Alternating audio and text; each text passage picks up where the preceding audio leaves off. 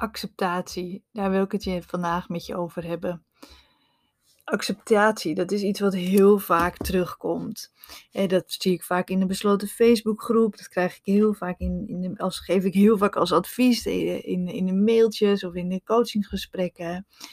En, en dat is echt wel zo'n thema wat, wat, dat ik me dan afvraag, waarom is het voor ons allemaal, hè, acceptatie zo belangrijk? En, of waarom is het zo lastig?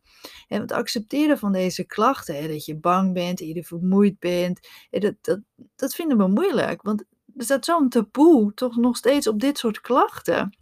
En vooral op, op psychische en mentale problemen en klachten.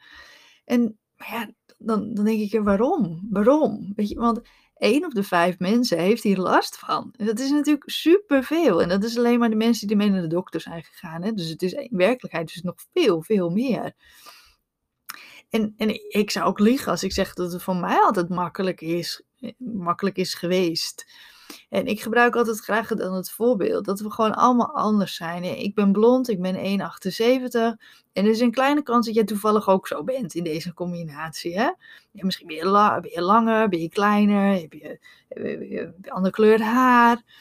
En, en nou ja, ik ben dan misschien wat, wat sneller vermoeid dan de gemiddelde mens. En ik denk, ik trek mijn dingen heel snel aan. Waarschijnlijk ook wat meer dan de gemiddelde persoon. En zo zijn we dus allemaal anders. En toch is dit zo lastig te accepteren dan andere dingen. dat ik blond ben, ja, dat, dat, is, dat is gewoon zo. Maar dat ik sneller vermoeid ben dan, dan een ander, dat vind ik dan weer heel moeilijk te accepteren. En dat is toch eigenlijk een beetje gek? Want, en dat ik, ik, bijvoorbeeld, ik draag een bril, nou contactlenzen, hè. Maar daardoor heb ik mij nooit zwakker dan een ander gevoeld. En dat, dat, maakt me helemaal niet zoveel uit. Ik bedoel, dat is gewoon zo. Maar waarom voelt het dan wel dat als je meer last van spanningen hebt, angstig bent, veel piekert of eerder vermoeid bent, waarom accepteren we dat dan niet?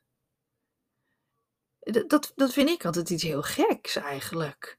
En, en zo zijn er heel veel ziektes en lichamelijke ongemakken, die, die, die worden wel geaccepteerd door de, door de meesten. Niet dat het makkelijk is, hè? Dat, dat zeg ik niet. Maar dat, dat wordt door de maatschappij, door je omgeving, ja, veel, veel makkelijker geaccepteerd. Als je bijvoorbeeld last hebt van suikerziekte, je hebt een zwakke rug, je hebt een versleten knie, je hebt slechte ogen. En dat mag je gewoon allemaal benoemen zonder dat er geoordeeld wordt. Maar een depressie of angst niet. Maar waarom is dat? Is het omdat er een taboe op staat? Of omdat we allemaal er niet eerlijk voor durven uitkomen? Of omdat we zo graag allemaal een superman of superwoman willen zijn? En, en trouwens, elke superheld heeft ook altijd een zwakte. Hè? Dus, dus die zijn ook niet natuurlijk helemaal onschendbaar. En waarom voel je je uh, minderwaardig? Omdat je last hebt van paniek en angst of, of, of vage klachten. Als we nou beginnen door onszelf gewoon wat meer te accepteren, dan zou dat zoveel energie schelen.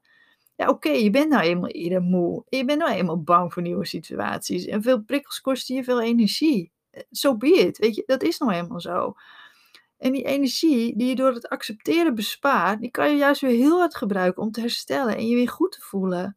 Want al deze klachten hoeven namelijk niet. Natuurlijk, het, het valt natuurlijk bij dat, dat, je, uh, dat je er gevoeliger voor bent. Maar juist als we zo blijven vechten en zoveel weerstand voelen. En we willen ons maar niet zo voelen. Daardoor gaan we heel vaak over onze grenzen. En gaan we maar door. En door gewoon eerlijk te zeggen: ik kan dit niet, ik trek dit niet, het lukt me niet. Heb je al zoveel meer, minder weerstand. Waardoor je meer energie overhoudt voor, voor je herstel of voor andere dingen te doen. Deze gedachten wou ik graag eens een keertje met je delen. En ik hoor heel graag wat je daarvan vindt. Of je je herkent, of dat je, ja, of je, misschien wel niet erin herkent. Dus je denkt, ja, ik vind het allemaal prima dat ik me zo voel. Ja, ik weet ook wel dat dat bij de meeste mensen die naar me luisteren natuurlijk gewoon niet zo is. Want het, het staat gewoon uit de boel op. En we vinden het moeilijk, want je wil je niet zo voelen. En dat snap ik ook, weet je je wil je niet zo moe voelen. Ja, bijvoorbeeld vermoeid voelen. Dat is bij mij altijd. Ik heb altijd het idee dat ik veel eerder moe ben dan andere mensen. Dat ik gewoon ja, wat eerder naar bed ga s'avonds of uh, wat minder gauw dingen doe. Maar ja, als je daar dan tegen gaat vechten, je gaat maar door. Dan word je alleen maar vermoeider. En word je nog ongelukkiger en word je nog zwakker. En door dan gewoon te kiezen en te zeggen, ja oké, ik ben zo en ik voel me zo. Dan wordt het natuurlijk wel wat makkelijker. Nou ja, dus dat wou ik eventjes met je, delen. Dus laat zeker graag een keertje horen wat je ervan vindt en uh, of, je me, of je je herkent in dit verhaal. En, en, luister zeker ook naar alle andere afleveringen waar ik verder uitleg waarom je je zo voelt en hoe die klachten, waar die, waar die vandaan komen. Vooral wat je eraan kan doen. Want ook al is het misschien een zwakke plek, je hoeft je niet zo te voelen. Want door, door, uh, ja, door te weten waar het vandaan komt en jezelf te accepteren, want dat is dus zo belangrijk, ja, blijft er meer energie over. En ga je je dus beter voelen. En weer lastig, zeg gewoon honderd keer vandaag nog tegen jezelf: ik accepteer mezelf. Ik accepteer mezelf met hoe ik me voel. Ik accepteer mezelf met hoe ik ben. Ik accepteer mezelf ook al voel ik me moe. Ik accepteer mezelf ook al ben ik duizelig. Ik accepteer mezelf ook al ben ik uh, paniekerig. Ik accepteer mezelf ook al ben ik een angsthaas. Maar door dat te zeggen, wordt het in je hoofd allemaal wat makkelijker en gaat het echt wat beter. Dus succes en tot een volgende aflevering.